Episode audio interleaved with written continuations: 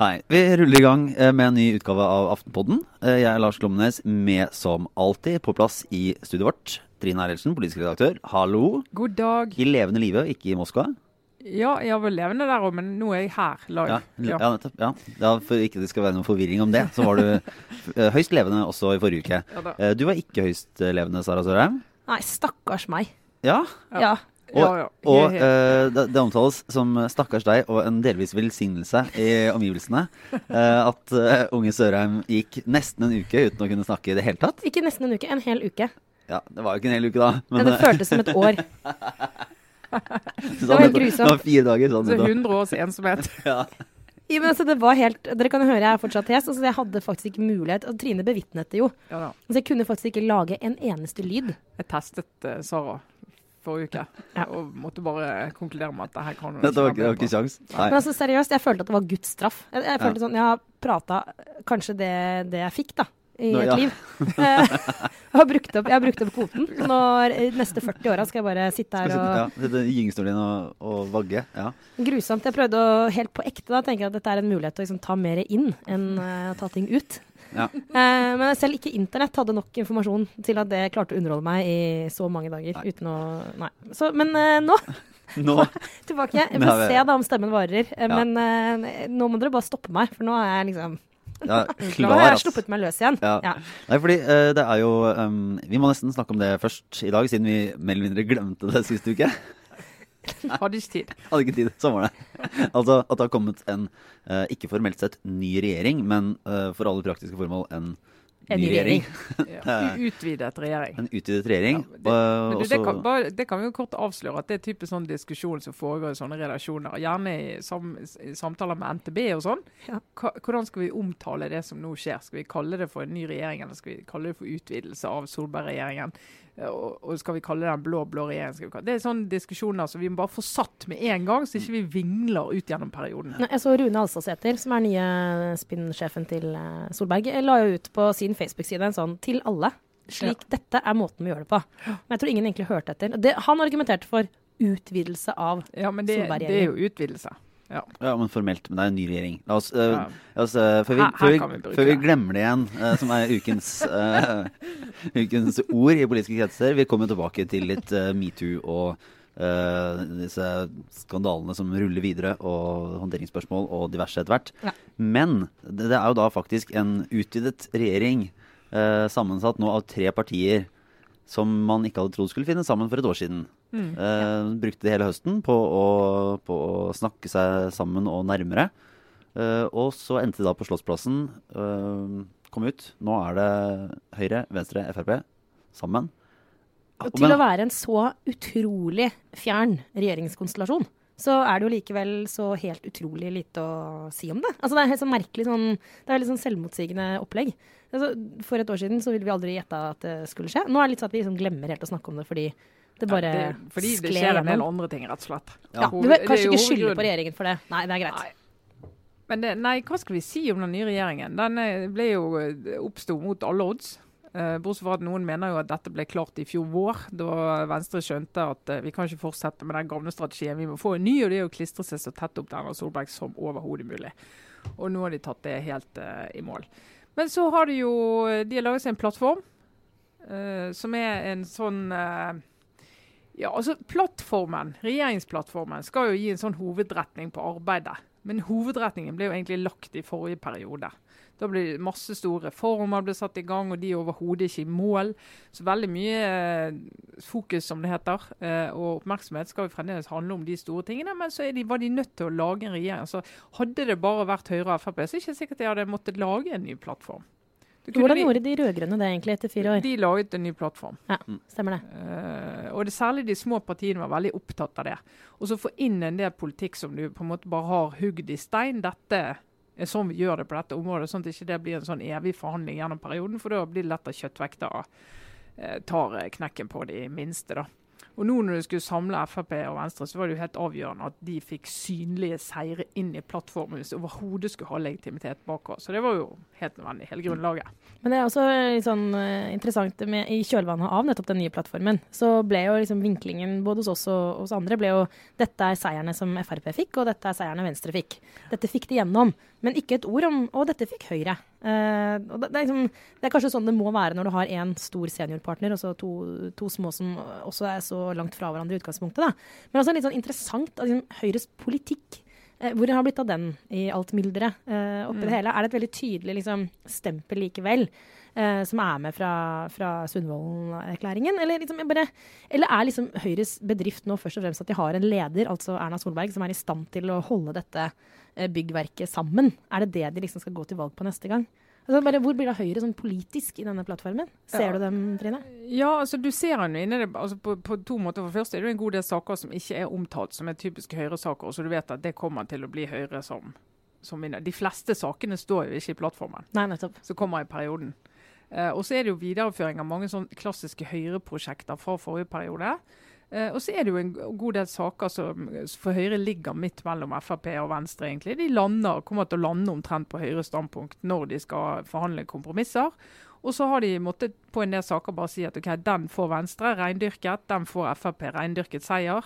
Eh, så, og innenfor de sakene har ikke vi altså, Da bare styrer vi på det grunnlaget.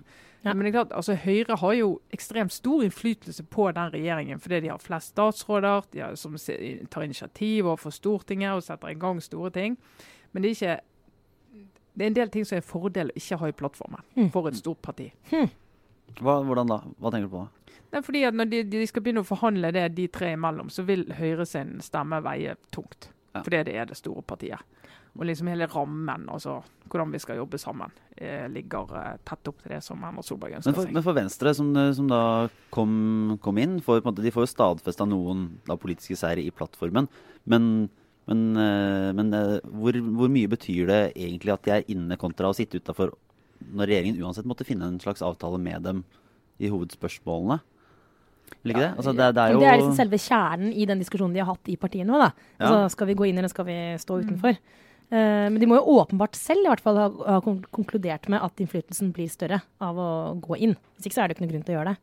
Ja, altså de har jo, de har jo veid disse to uh, forholdene. Og det går jo, og KrFs vurdering er jo en annen. Det er jo at mm. vi står på utsiden. De er nødt til å snakke med oss uh, i hvert fall først, uansett. og da har vi et spillerom som ja, vi kan ha det på innsiden og vi kan ha det på utsiden, men når vi er på utsiden, så slipper jeg i hvert fall å hefte ved alt det andre rare denne regjeringen måtte finne på. Da kan vi være litt sånn ren og rank, men få vise frem noen blanke seire underveis. Mm. Vi får påvirket politikk. Og når neste valgkamp kommer, så kan vi vise det. At vi fikk gjort mye. Jeg skal ikke flere stemme på oss, så vi får gjort enda mer. Det var en sånn grei måte å tenke på. Så Venstre sin logikk har vært at hvis vi også gjør det, så blir det lett til at uh, regjeringen kan godt snakke med oss i en del saker, men i en del andre saker så vil de bare de vil hake av at de har snakket med oss, men de vil i realiteten gå over til å snakke med noen andre. F.eks. Mm. på klimaområdet kunne det ha skjedd.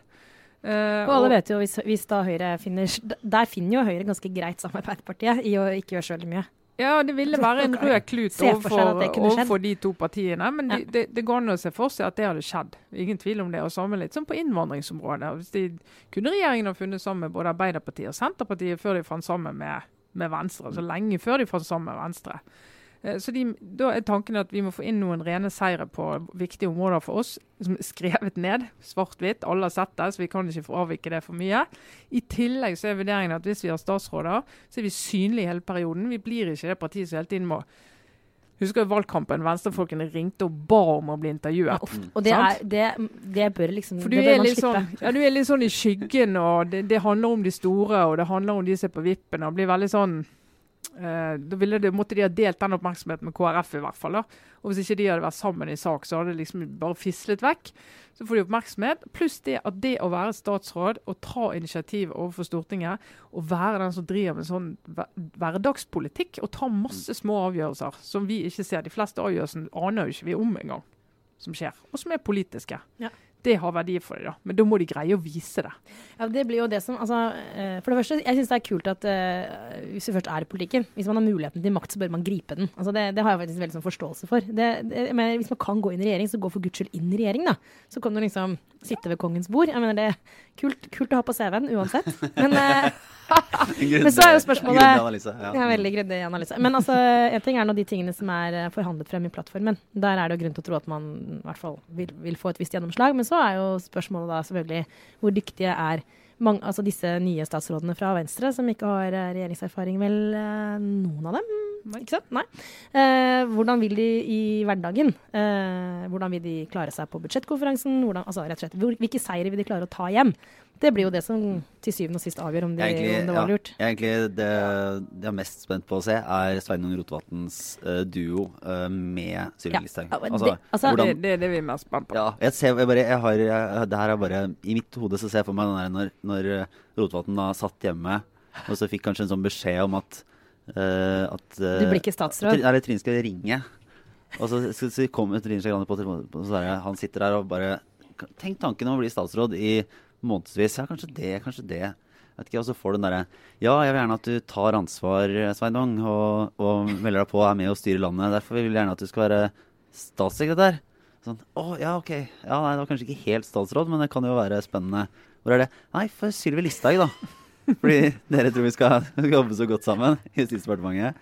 Og så er det, det er noe som er så det fine med Sylvi Listhaug, i den tydelige kommunikasjonen hennes, er at på dag én, da det ble spurt om Hun ble spurt om et eller annet sånn Ja, nå skal Sveinung Rotevatn holde deg i ørene, eller en eller annen sånn greie. Og isteden da for å bare legge liksom, Hun aksepterte det premisset. Med, liksom, med glede. Så Sylvi Listhaug sa ikke sånn Nei, eh, vi er nå i en Jeg er- helt overbevist om at vi skal finne gode løsninger i, Vi i regjering. på. Vi står sammen på en felles plattform og skal samarbeide godt. Når jeg tar den der, nei, Det er mange som har prøvd å kontrollere meg, Ja. og det er ingen som har klart det så langt. Som er sånn Ja, OK, du aksepterer det helt. Det var jo rart at Fabian Stang eh, var- statssekretær for henne i utgangspunktet. Mm. Men nå det fremstår det som helt liksom, normalt og ikke noe rart i det hele tatt, når du sammenligner med Sveinung Rotevatn, som jo er på en måte den personifiseringen av en sånn, hva skal jeg kalle det for noe, moderne, liberal eh, sentrumspolitiker. Som ser på kule TV-serier og er litt sånn Liber- innvandringsliberal. Men, det, men Ja. det du kan si om det, da, for det at hele det at Venstre går inn i regjering, er jo en, det er jo en gamble, altså. De går inn, de spiller høyt. Og, det, og så tar han enda lenger og sier ja, vi er regjering. Og nå skal jeg være statssekretær for Sylvi Listhaug. Da går du all in og sier nå får det briste eller bære. Ja. Det er en kjempeutfordring. Kommer de ut av dette på en måte får partiet over sperregrensen igjen, som jo egentlig det Venstre må ha som mål i livet, eh, så har de jo lykkes. Ikke sant? Hvis de kommer til neste valg og har gjort det. Og hvis de har gjort det i denne sitsen her, og Rotevatn har greid å overbevise mange nok venstrevelgere om at vi driver en raus og liberal innvandringspolitikk, Ja. selv om Sylvi Listhaug er statsråd, det, er jo, det kommer jo til å være en bragd hvis det skjer. jeg skjønner faktisk ikke at han gjorde det. Jeg, jeg kan ikke forstå. Jo, det, Nei. utfordring må jo ta en utfordring. Sammen. Men det kommer til å bli helt Kjempespennende. Han kommer jo til å tape. Men de pleier jo ofte å, ha, å fordele litt oppgaver. Sant? At hun tar en del av feltet, og så tar han Han, tar, Husker- du han kan jo ta lønnsett. integrering, han da, så kan hun ta innvandring. Integrering er Det er. Det er sant, det er borte. Ja. Det har blitt eh, flyttet departement, så er jo det som er spennende med Det det. er den nye Pål Lønseth. Du husker Pål Lønseth som tok Hvem alle de kjipe sakene. Altså virkelig en helt. Og det mener jeg, og det må vi på en måte Ja, sånne som Pål Lønseth, de mener jeg vi må bare heie på. De som går og sier nå, jeg tar ansvar. Jeg gjør det. Jeg står i det. Jeg tar den kjeften. Jeg blir store Satan. Oransje på lønnsett. Husker dere settingen? Det var altså Arbeiderpartiets statssekretæren som, som, eh, ja, som, som satt i debatt etter debatt og var ja, og sånn strenge. at, sånn at særlig i den, statsråden skulle få slippe å fremstå som umenneskelig. Så Det var særlig Maria. Amelie-saken, var det ikke det? Han, eh, Men nå vil jo statsråden sikkert ta en god del av de selv. Det vil jo være et poeng for, for hun å gjøre Ikke bekymret for eh, å fremstå litt umenneskelig i, i debattstudioene. Men jeg, jeg syns jo jeg synes det er bra at partiet har ambisjonen om å komme i regjering, strekker seg langt for å komme i regjering. Og jeg syns det er bra de tar ansvar og faktisk sitter i regjering. Kan ikke ha en haug med partier som bare tenker ja, men neste valg kan vi gjøre så mye bedre.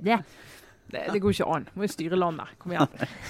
Ja. Ja, nei, men da er, vi enige, da er vi enige om at det var bra at Venstre gikk inn, da. Da er det Altså, greit å bare dere- være enige om det. Dere får være enige om hva som helst. Jeg framstår jeg er helt, eh, helt objektiv og nøytral i dette spørsmålet. Bortsett fra at jeg syns det er en glede å se Sveinung Rotevatn og Sylvi Listhaug i tospann. Og, og vi vet jo Det er en sette pris på en, en en god endring når Ja. vi ser han. Ja. Vi. Eh, Men eh, vi, vi hopper videre til det som jo har vært ukas enda større tema. Fordi ja, ja, ny, regjering utvidet, ny eller hva det måtte være, eh, havnet i skyggen av nok en uke med erkjennelser og gjennomganger av mer eller mindre godt håndterte um, varsler om uønsket atferd. Ja, og mer eller mindre tro troverdig selvpisking.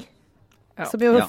som kommer som med, sånn hånd i hånd med den manglende håndteringen. Ja, fordi eh, liksom snakkes eh, Hva har skjedd med Fremskrittspartiet der varsler som eh, ifølge da Jon Gåsvatn, tidligere, tidligere stortingsrepresentant fra Østfold, har kommet inn til ledelsen, eh, men som ingen i ledelsen husker. Vet du hva, det der er så, det der er så, så bisarro, hele den, hele den situasjonen vi er i nå. Mm. Det, altså det, er, det er så merkelig, hele opplegget. Uh, det, og vi vet jo altså vi, vi må jo på en måte ta uh, folk på ordet når de he sier ting i offentligheten. Vi kan ikke sitte her og påstå at det de sier ikke er sant, uten at vi har dekning for det. Men det er bare en veldig sånn rar ting at uh, store deler av ledelsen i Fremskrittspartiet, Fremskrittspartiet har rett og slett hukommelsestap. Det var jo en, en Fra sean- 2012. Ja. Akkurat en liten periode i 2012 hvor alle bare har fått uh, sletta ut. Og en seanse på Dagsnytt 18 der eh, Siv Jensen var med i et lengre intervju. De har hatt veldig god tid i Dagsnytt 18 eh, nylig. med Ja, de bruker intervjuene god tid på de intervjuene. Og eh, der hun da erkjenner og, og sa noe Det er litt sånn røft sitert, men ja, jo mer man hører om den saken, jo dummere virker fremstår jeg. Eller, altså, hun hadde en sånn Mm. uh, Der hun også erkjenner på en måte Men hva kan jeg gjøre? Jeg husker ingenting. Ja, jeg skjønner at det ser rart ut. Jeg har sjekket kalenderne mine fra den tiden. Det sto ingenting om det møtet. Altså det, som- det som ligger litt under her, er jo at hun sier 'jeg husker det ikke'. Og så imellom linjene ligger det. Men det trenger jo ikke bare være fordi at altså jeg har dårlig hukommelse. Det fordi- kan jo også være fordi det ikke har skjedd. Ja, fordi det, det, det er jo et underliggende premiss her som er Altså, hvis, hvis det hadde vært sånn at hun ikke husket det Altså, hvis det er sånn at hun ikke husker det, så har hun jo fortsatt et forklaringsproblem, har hun ikke det? For hvordan det ble håndtert den gangen, Ja. i og med at disse sakene har forsvunnet. Men, Men- det har hun jo for så vidt vært uh, åpen på. Altså hun sier jo, Med en gang hun har sagt at hun personlig ikke kan huske et sånt møte, så sier hun jo også da eh, at uh, Men det er ikke noe tvil om at vi har håndtert dette feil. Altså det, Saken skulle vært tatt mer på alvor den gangen. Så hun er på en måte Hun, hun står i en slags sånn, altså en sånn balansegang mellom at hun, hun hevder at hun selv personlig ikke er å klandre for at det ikke ble tatt hånd om den gangen, men at hun som leder av, av partiet likevel tar selvkritikk på at ikke organisasjonen håndterte saken bedre. En krevende kommunikasjonsmessig øvelse. Eh, men den eneste hun kan eh, ta, enten hvis hun A snakker sant, så må hun jo si det, eller B eh, ikke risikere å få trøbbel. Eh, på altså, Men, men, det det, ja. ja. men jeg, jeg skjønner ikke det helt eh, hvorfor altså, Jeg vet ikke om hun har valgt det som strategi, eller om det bare ble sånn. Fordi at, ja, Si at det, det kom en sånn varsel. Og som er Fremskrittspartiets historie, så de har jo en vond historie med dette og har liksom lagd noen veldig sånn tydelige regler, for sånn gjør vi det. Så kunne hun jo sagt at eh, ja, det kom, og jeg var veldig opptatt av å si at dette jeg vil ikke høre mer om dette. Gå til, gå til generalsekretæren med det. Vi må håndtere det der, sånn som vi har avtalt å gjøre. Vi må ha veldig sånn knallhard formalisme på det. Eh, og så kunne hun sagt, og det gjorde jeg den gangen òg, det var derfor jeg sa det. Og sett i ettertid så burde jeg som leder ha fulgt det opp og vært sikker på at det skjedde noe med saken. Det gjorde Mm. jeg ikke, og det beklager jeg. Da hadde saken vært død. Ja, hvorfor? Ja, og det, uh, Det som sagt, jo. uten at vi kan hevde at det er sånn, men bare sånn rent sånn ut fra det som blir sagt, så høres jo også det ut som den mest Det- det- åpenbare det kan jo alle forklaringen. Forstå. Alle kan jo forstå det, på en måte. Du kan tenke at det, var, det, er jo ikke bra, og en såpass potensielt grov sak burde du jo vært tettere på. Men det er til å forstå, da. Ja. Dette er ikke til å forstå. Men hvis du først har sagt eh, bare sånn i panikk da, at du ikke husker det, så er det også eh, Du har bundet deg litt til masta da. Da er det litt sånn at du kan liksom ikke si sånn Å, men nå kom jeg på det. så det, det er veldig sånn ja, Nei, altså Jeg skulle bare så inderlig gjerne ha visst. Det, jeg kjente bare på en sånn derre Nå lurer jeg så på. Altså Den Dagsnytt 18-seansen det var en så merkelig øvelse. Jeg så jo nå folk spekulerer vilt i sosiale medier. Skuespiller Terje Strømdal. Gamle? Portveien 2 eh, Ja. hel, helten, da. Vår noen barndoms Ja. store helt, Lars. Ja. Hadde en sånn eh, helt selvfølgelig bare rent subjektiv altså, ø, ø, vurdering hvor han omtalte Siv Jensens eh, skuespillerprestasjon. Og snakket om hvordan det der med å, å skulle liksom som skuespiller eh, da, er, da er jo det å ljuge er jo jobben din. Du skal jo gestalte en annen person enn deg selv til enhver tid. Men han snakket om hvordan du liksom må jobbe med ansiktsmuskulaturen og stemmebruk for å fremstå som troverdig. Da. Og hevda virkelig helt på sånn, altså ikke noe faktagrunnlag her på plass, men han hevda han kunne se liksom på muskelbruken i ansiktet til Siv Jensen. At hun ikke fortalte sannheten. Altså helt sånn men, ja, så, men den, eh, den er jo helt sånn eh, fascinerende å lese. Om ikke annet som en dokumentasjon på at dette er, dette er noe som folk altså, folk er opptatt av det. Det er, vel, Eh, det, er, det er internettets store snakkes i Norge. Så Sven Egil Omdal hadde lagt ut en sånn uh, på Facebook. Ja, og i ukens arrangement, kveldsarrangement, mimrekveld i Frp var fra klokken 21 til 21.10. Innlagt matpause. Ler jeg humrer godt av det, altså. Men, men eh, det, var jo, det var jo ikke den eneste sånn sett offentlige Canossa-gangen. Eh, Vi hadde jo eh, da en seanse på søndag som var, en pressekonferanse i Høyre med Jon Ragnar Aarseth, eh, generalsekretær i Høyre, og Erna Solberg, mm. som, der de gikk gjennom varslene som har kommet, og hvem som har visst hva i, i denne saken om Christian Tonning Riise. Det var også også en veldig spesiell seanse. ja, og jeg, jeg aner ikke her hvordan, hvordan dette har vært internt, men jeg kan se for meg at de fleste ledere, og jeg hadde ikke forundret meg også Erna Solberg, som måtte stå i, en sånn, en, i 20 minutter Mm, Høre og høre på hvordan organisasjonen på måte har eh, Forsømt seg. forsømt- ja. Og det er litt sånn, ok, Du må bare stå der og ha et sånn ansiktsuttrykk som ikke, Ja, for jeg også ikke blir et drama i seg selv. da Som ikke er sånn her, Du skal ikke stå i himmelen med øynene, du skal ikke stå og gjøre noe, du skal se sånn passe bekymra ut. Mens du sikkert er litt irritert internt både på seg selv og på andre for at ting kunne ende opp, ende opp der. ja, for I den grad man skal ta den uh, skuespillergreia videre, så, så det der med liksom når du er ute i offentligheten i en så vanskelig sak, det der med hvordan du skal klare å kontrollere fjeset ditt Jeg har også tenkte på det underveis, eh, både for så vidt eh, Jensen var i Dags 18, men også da særlig den søndag kveld-pressekonferansen. Liksom, alle kameraene i hele landet er på deg, og du må bare ikke på noe tidspunkt gi fotografene det ene uttrykket. Ikke gjespe. Ikke gjespe, for guds skyld, liksom. Og ikke le. Og Ikke le. le. Ikke le. Ikke se sur ut. Ikke himle med øynene. Nei, altså Hvordan i all verden skal du klare Altså, En ting er nå i to minutter, liksom, men så lenge som Erna Solberg sto ved siden av generalsekretæren sin, og eh, jeg kan jo ikke skjønne annet enn at hun må være i hvert fall inni seg, da. Hun klarte å skjule det godt, men altså, man må jo bli som leder utrolig frustrert, for ikke å si forbanna, når du hører på den kollapsen. Fordi én ting er nå for det første eh, hensynet til det som er det viktigste her, som er de som har opplevd kjipe ting, som ikke har fått hjelp. Eh, og så, eh, som sikkert kommer tett etter for mange, særlig politikere, så er det også sånn Det får jo helt sånn Det får jo konsekvenser for altså alt fra velgeroppslutning til omdømme til Ja, du får ikke Det- snakke ett ord om politikk Nei, så lenge ny dette regjering, pågår. for eksempel. Sant? Vi er i februar snart. Ja. Det har ikke vært en politisk diskusjon i Norge. Nei. Men det var jo noe av det som eh, kom ut av det også, var at det skal nedsettes et Uh, var det en, en, et utvalg, eller altså ledet av Henrik Syse, som skal se på håndteringen i Høyre. Uh, og det er vel Ja, det er vel, det er, jeg vet ikke helt sett klart mandatet, eller hva som kan være konklusjonen av det opp mot enkeltpersoner. Men jeg lurte på Jeg ser nå ok, Siv Jensen får, kjeft fra politiske motstandere, da, særlig for å ikke huske. I, I Høyre så viser det at det har vært, uh, vært mange som har vært inne på et tidspunkt. Jeg lurer på om NRK gjorde en opptelling på at hadde elleve personer hadde fått uh, bekymringsmeldinger altså, og, om Christian Tonninger i seg. Men kommer vi til å se et punkt der håndteringen fører til altså at noen får, eh, får noe mer enn den derre Jeg tar selvkritikk og legger meg veldig flat? Altså, er det, er vi, er vi, hvordan er det miljøet nå for at, for at noen var sånn Ja, men den håndteringen er så dårlig at du må finne deg en annen jobb. Eller du må gå fra vervet ditt. Er vi der, eller er vi nå litt Ser vi Men ikke det? jeg tror det blir veldig avgjort av også om hvorvidt man legger absolutt alle kort på bordet eller ikke. Det er et sånt lite sånn vindu når sånne saker kommer, hvor du liksom eh, kan redde deg gjennom å være helt ærlig, eh, og så si unnskyld. Eh, og så gjøre gode valg derfra og ut. Eh, men så er det jo den der Watergate-greia med at det er ikke saken, men the cover-up som feller deg. Altså hvis du da som i Høyre for nå da, Hvis det er ting som ikke har vært lagt Hvis ikke det, ble, hvis ikke det var sånn at alt kom frem på søndag, alt de er kjent med, eksempel, så har jo da eh, ganske mange folk Men, et men, problem. men det tror jeg det gjorde. Eh, Ja. og det tror jeg, Men det ser du både på Arbeiderpartiet og Høyre. så jeg, jeg, altså jeg har stor tillit til at de som holder på med dette, nå har stort behov for å dele så mye som mulig, og få ordnet opp i det så raskt som mulig. Men så ser du at de er ikke vant til det, og så ser du hvor lite som skal til før du får negativ oppmerksomhet. Så fikk den Høyre gikk ut og sa vi har fått 21 varsler, alle de andre partiene svarer hvor mange de har fått. Arbeiderpartiet vil ikke svare.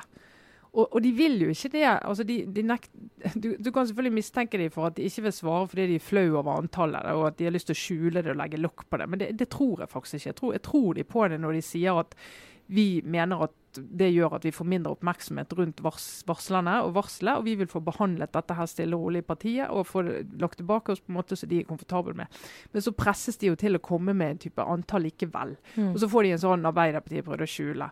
Og nå er det Høyre med den varslingsrutinen de har, eh, som gjør at eh, en, en varsler kan eh, varsle om en person eh, under eh, konfidensialitetskrav og sier at jeg vil ikke at han skal vite at jeg har varslet om han, og heller ikke vite detaljer i det, men jeg vil at dere skal vite det. Og så går Høyre og reagerer overfor den gjelder, men, men han får ikke vite den type detaljer. Som jeg mener det er grunn til å kritisere Høyre for. Men de gjør jo ikke det for å dekke opp, det er jo med et genuint ønske om å ta vare på varslerne. Eh, Men så, kommer- så blir det feil likevel. Sant? Og Det Mm. er det som er så fortvilende med det, en del sånne organisasjoner. Det tror jeg mange av oss skal være veldig varsomme med, og ikke, med å være sikre på at ikke vi kommer i den situasjonen en dag. At du sitter, du er så presset. Disse folkene jobber døgnet rundt og prøver, og de gjør henvendelser og prøver å, å ordne opp i dette. her. Veldig presset og prøver å gjøre det rette.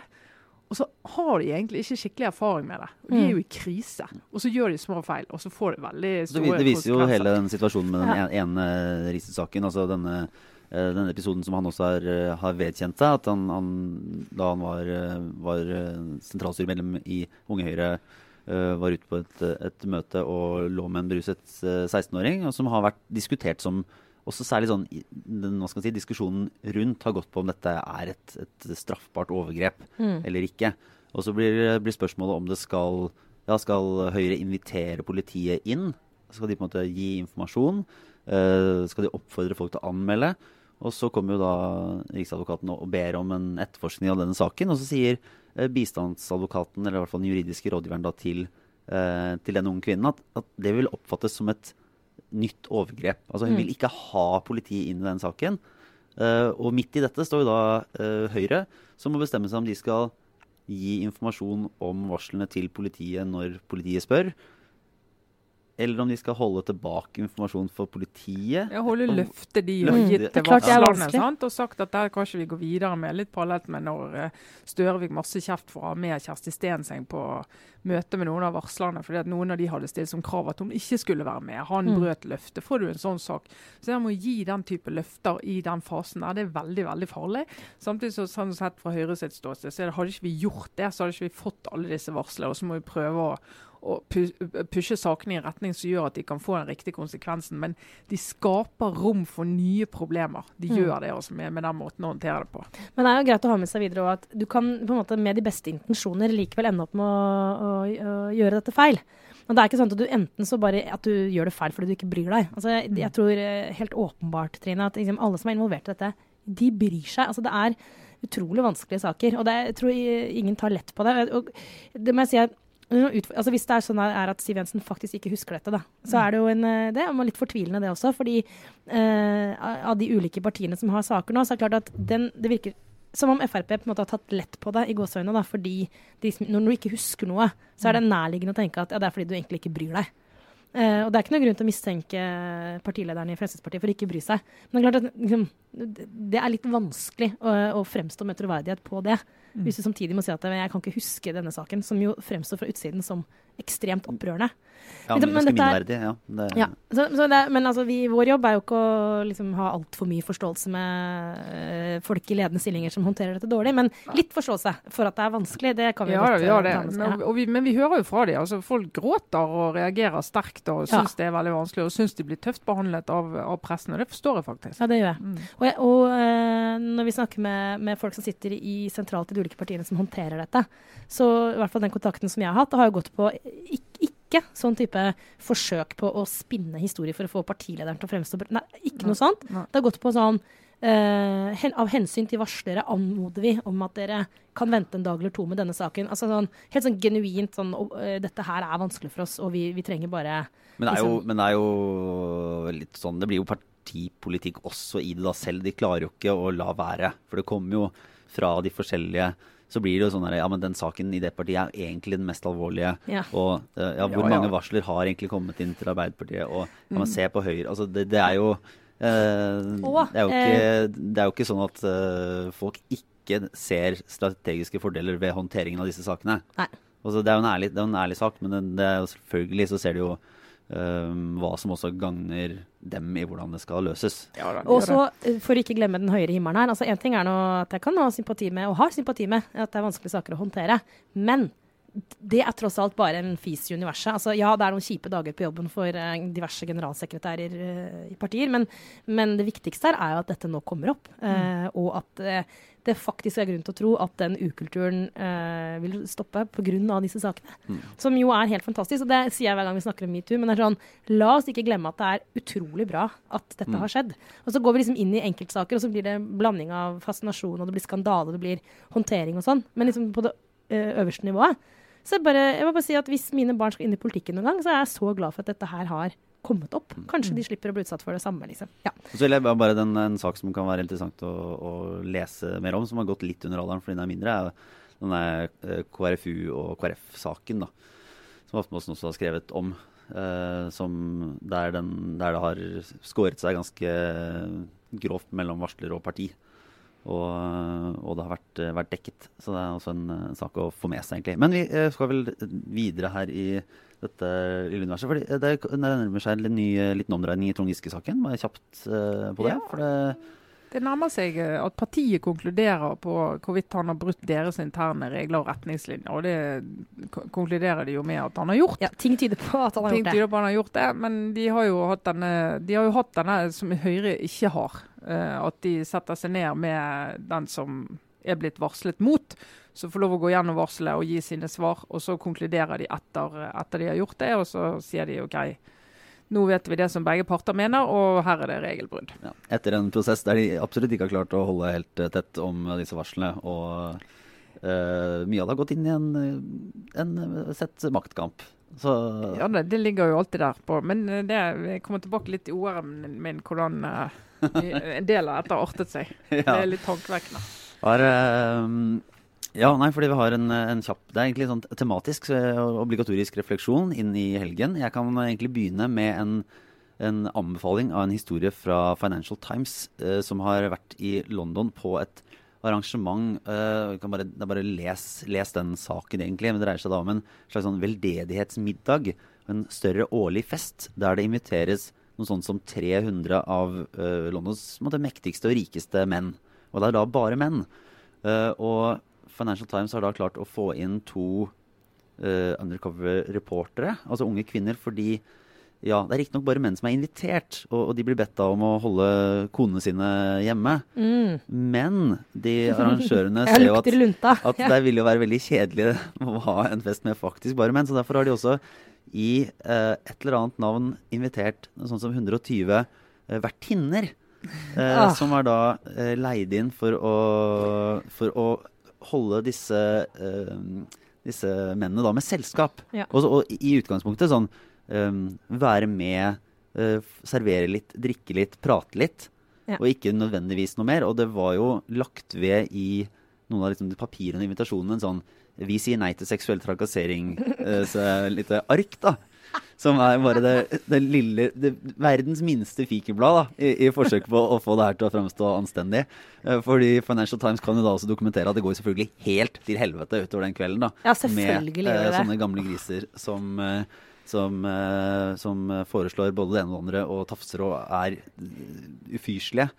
Så, så det blir litt oppvask da, mens de driver og samler inn penger til sånne barnesykehus, mens sånne eh, gamle gubber Så det der sik sikler på sånne unge vertinner som ble instruert om å stille med eh, mørkt matchende undertøy og eh, høye hæler og liksom, være classy og piskes rundt i det rommet da, for, å, for å varte opp disse folka. Det er hvor mange veldedige formål da, opp gjennom historien som har blitt misbrukt i liksom, eh, Ja, du har, sånn du har sånn god grunn til å oppføre deg som en kødd, liksom. ja, Nei, altså, Hva gir det- 800 dollar til et eller annet veldedig altså, ja, for formål da, da, kan jeg, da kan jeg egentlig fortsette et, et, med et litt sånn godt, men ubekreftet rykte. Eh, fordi i, des, i disse tider nå, eh, Vi har jo snakket tidligere om, om tidligere statssekretær Sigbjørn Aanes, eh, som, eh, som nå er avgått. Han har hatt et litt sånn mye omtalt lutefisklag. Det, som har, har vært bare menn og fått kritikk for det. Og jeg har vært der. Jeg var ikke der faktisk det som var i går.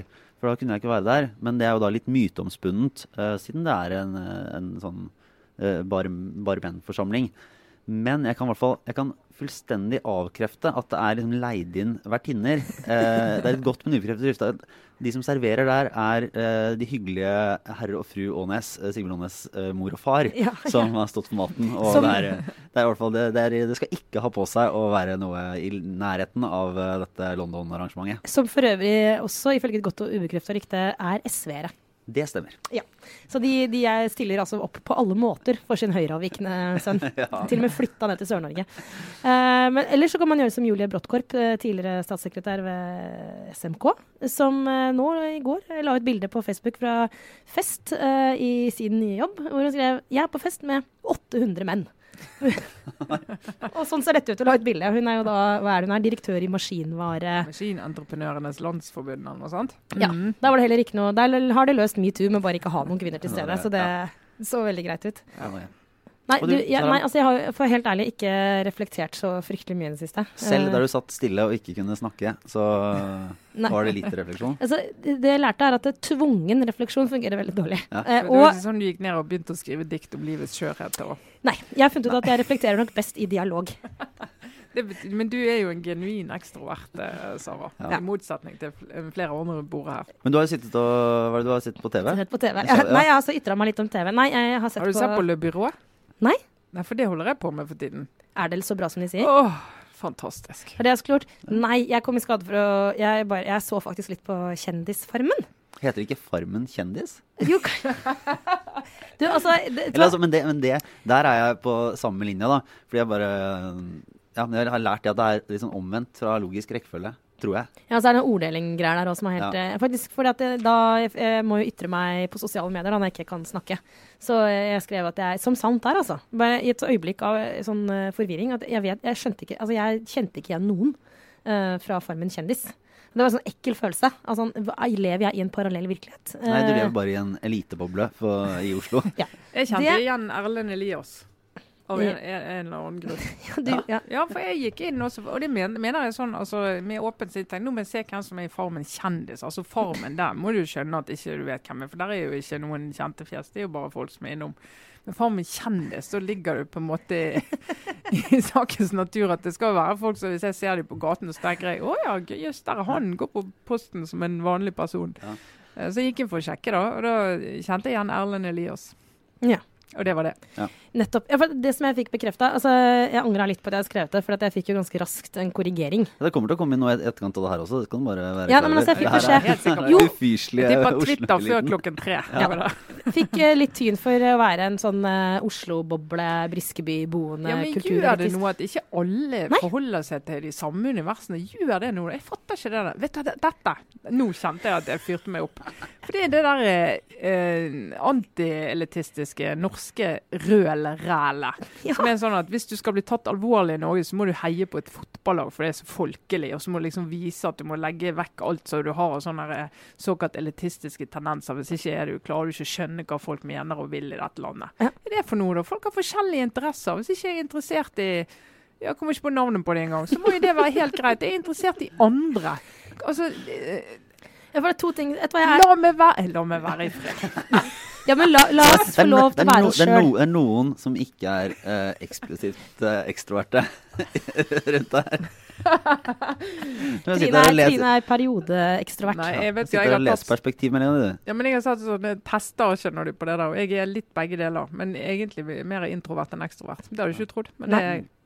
Det har begynt å demre for meg. Nei, men, men Jeg jeg var hater å mingle. akkurat ja, Det er derfor jeg og Lars alltid går på festene som Trine blir invitert på. jeg hater å mingle. Så det sånn er det. Men det jeg tenkte på i dag for Først så ble jeg stressa for at jeg, øh, liksom, Å nei, nå er jeg, uff, nå er jeg blitt sånn kulturelitekjerring. Men så, som nettopp i, i Trines ånd, tenkte jeg nei, nå, det, det, jeg er, jeg er det. Jeg orker ikke mer av dette her Trine. Og så Det, jeg. det, det, det fins folk i dette landet som ikke vet hvem som er finansminister i Norge. Ja, det er jo et problem. Det er et problem. Men dette er ikke et problem. For øvrig kom jeg på en idé. Vi, farmen folkevalgt. det skulle jeg sett på, og jeg skulle visst hvem alle var. Selv på lavere kommunalt, fylkeskommunalt nivå. Men uh, da jeg løp Dette tenkte jeg på mens jeg Og det er egentlig det jeg skal frem til. Dette er ikke bare snikskryt, det er skryt. Jeg løp til trikken på Briskeby i mine høyhælte støvletter, som ikke tåler verken vann eller is, særlig ikke is, på issvuller som er livsfarlige, mens jeg hadde en helt full eh, caffè latte i hånda. fra Mokka kaffebar. Og Briskebytrikken, eh, Oslos beste trikk, eh, kom, og jeg løp så fort jeg kunne til trikken. Rakk trikken. Hadde ikke sølt en dråpe caffè latte. Tenkte jeg, dette er også life skills, Det er ferdighet. Det er Det er ferdighet ferdighet. Som ganske få gjør deg etter, uh, Sara. faktisk. Så Så det, er det den kaffebaren der uh, vestkantdamene går inn og kjøper kaffe og drikker med sugerør for ikke å få brune tenner? korrekt. Det har også fascinert meg så, fascinert meg så dypt etter jeg hørte den fun facten. eh, At det, nei, det kommer jeg ikke over. Oi, oi. Det er sånn derre Hva skal jeg si, Bø-gutten i meg Jeg bare i ferd med å grave meg ned. Sorry, sånn går det. Men nå, dette var, nå har jeg tømt hodet mitt for mine sånn mer eller mindre sammenhengende Ja. Refleksjoner. Ja. refleksjoner. Nei, Du får kjefte litt på folket du da, Trine. Jeg skal folk, jeg elsker folket, for all del. Nei, men jeg, jeg syns det har vært uh, er interessant å se den debatten som går parallelt med alle med metoo-dekningen. Og si, vi som er kommentatorer, vi får vår eh, eh, vår skjerv av eh, kjeft og ros og alt som er, og det skal vi ha. Vi har veldig eh, eh, egentlig mektige talerstoler, så vi skal tåle å få mye tilbakemeldinger. Og det får vi. Men det som, det som ikke slutter å fascinere meg, det er at hvis jeg skriver om Arbeiderpartiet, noe kritisk om Arbeiderpartiet, så får jeg en liten røys med meldinger fra folk som er Ap-sympatisører. Da er det borgerpressa ja, Avisa. som mener Høyreavisa. at grunnen til at jeg skriver det, det er at jeg er Høyre-sympatisør. Og det, det er faktisk den eneste grunnen til at jeg skriver det. Og så er det litt sånn, hvorfor, hvorfor er du så slem med Arbeiderpartiet? Jo, det er fordi at du vil at Høyre skal styrke seg. Og så nå har jeg skrevet om Høyre, ikke akkurat det samme, med motsatt fortegn, kommer det Høyre-sympatisører og sier Hvorfor skriver du ikke mer om Arbeiderpartiet? De håndterte jo dette mye verre enn Høyre. Jo, det er fordi at du er Arbeiderparti-dame. Og så tenker jeg jeg, jeg, jeg syns faktisk det er interessant å få den tilbakemeldinga. Men jeg tenker en del av dette er partifolk. Og så tenker jeg, Partiene trenger ikke den type venner. De trenger venner som står i partiet, elsker programmet, elsker der partiet skal, fornøyd med noenlunde med, med ledelsen og de som har tillitsverv, men som er kritiske når det skjer ting i partiet som ikke skal skje. Og som setter pris på at det kommer frem, for da vil partiet bli bedre etterpå. Men det er helt, litt for mange som på autopilot går inn i en sånn Ja, hvis du skriver kritisk om det, er det fordi du vil ha den typen samfunn? Men dette er jo en akilleshæl i alle altså dette, dette er jo nettopp hele problemet med en del saker som blir håndtert som maktkamp, når det f.eks. ikke er det. Det er Det er litt av det samme dynamikken. Ja. Og veldig veldig usunn dynamikk. Og det er, og jeg må bare understreke at det er på langt nær de fleste. På langt nær. Det, det, men men de, de er veldig høylytte. Og de er så uansett hva, hva du skriver kritisk om i en eller annen retning, så er det fordi du vil ha et annet samfunn. Og det er sånn ja, Partiet trenger folk som er kritiske til inni seg. Da har det kanskje ikke gått så galt. Men det er jo eh, litt sånn partiet trenger noen gode gamle Altså noen som ikke er så eh, brennende hjerter, men som er litt rasjonelle. Er Ja, det altså Det sier. som er farlig for et parti, det er når folk opplever det, at det blir mer tro enn politikk. Nettopp. Og du blir en sekt, og du skal forsvare sekten uansett hva som skjer kommer fra utsiden. Det er oppskriften på at det går verre og verre. og verre. Fordi at Da kommer ikke kritikken opp, da kommer ikke problemene opp. Og da plutselig er du et parti som eh, må stå på riksdekkende fargefjernsyn og diskuterte titalls varsler en gang i uken. Bare, oh, men det er egentlig bare en, en siste liten anbefaling. Det er en sak uh, som jeg bare kom på nå, apropos tro og politikk. Som er disse, denne boken som eh, statssekretær uh, Torkil Omland fra Fremskrittspartiet, som nå er i Justisdepartementet, skrev i 1994. Så det er lenge siden han har Men det var sist en Frp-er skrev en bok, si. Og så har, eh, nei, så eh, har han, måte- han gått tilbake på noe av det. Men han snakker da om uh, hvordan Han skriver mye om, eh, om endetiden, og hvordan politikere vil eh, samarbeide på, for å bygge ned det nasjonale og, og støtte opp under djevelen. Og det er, det er, bare, det er, det er så mye eh, rart og eh, langt inn, og det fins rundt omkring på, på sosiale medier og allting. Og det er et forunderlig skue. Som, eh, så den boka den har jeg litt lyst til å sette meg ned og lese. Den, Gjør det du, eh, Lars, du ja. som har tid. Det, det, Da kan du eventuelt anbefale den Da, ja, ja, ja, ja jeg, skal, jeg skal lese den, og så skal jeg komme tilbake med en, eh, med en eventuell anbefaling. Men eh, da tror jeg vi skal takke for oss for denne uken. Eh, ny regjering, fortsatt litt metoo. Det, det ruller og går. Vi er tilbake neste, er vi ikke det? Jo. Jo, tipper vi skal innom i hvert fall et av disse temaene neste uke òg. Kanskje altså, kanskje den uh, utvidede regjeringen har eh, gjort noe vi skal gå inn i? Gå inn i en Sånn sak, konkret. kanskje. Ja. Kanskje det kommer en sak. Det hadde vært forfriskende. Det hadde vært noe. Ellers så legger vi ut eh, ting vi eh, liker på Facebook og opplegg. Så følg oss gjerne der og kom med tilbakemeldinger. Og gi oss en sånn rating i iTunes, for det syns jeg vi er veldig gøy. Ja, da skyter vi oppover listene, og så kan vi konkurrere med han Peder Kjos og øh, eh, psykologitimen hans. Ja. Han må vi klare å gå forbi. Han knekker som en lus. ja, ja. Takk for oss. Ha det bra, Trine Eilertsen, Sara Søram, Jeg er Lars Klomnes. Ha det bra. Thank you.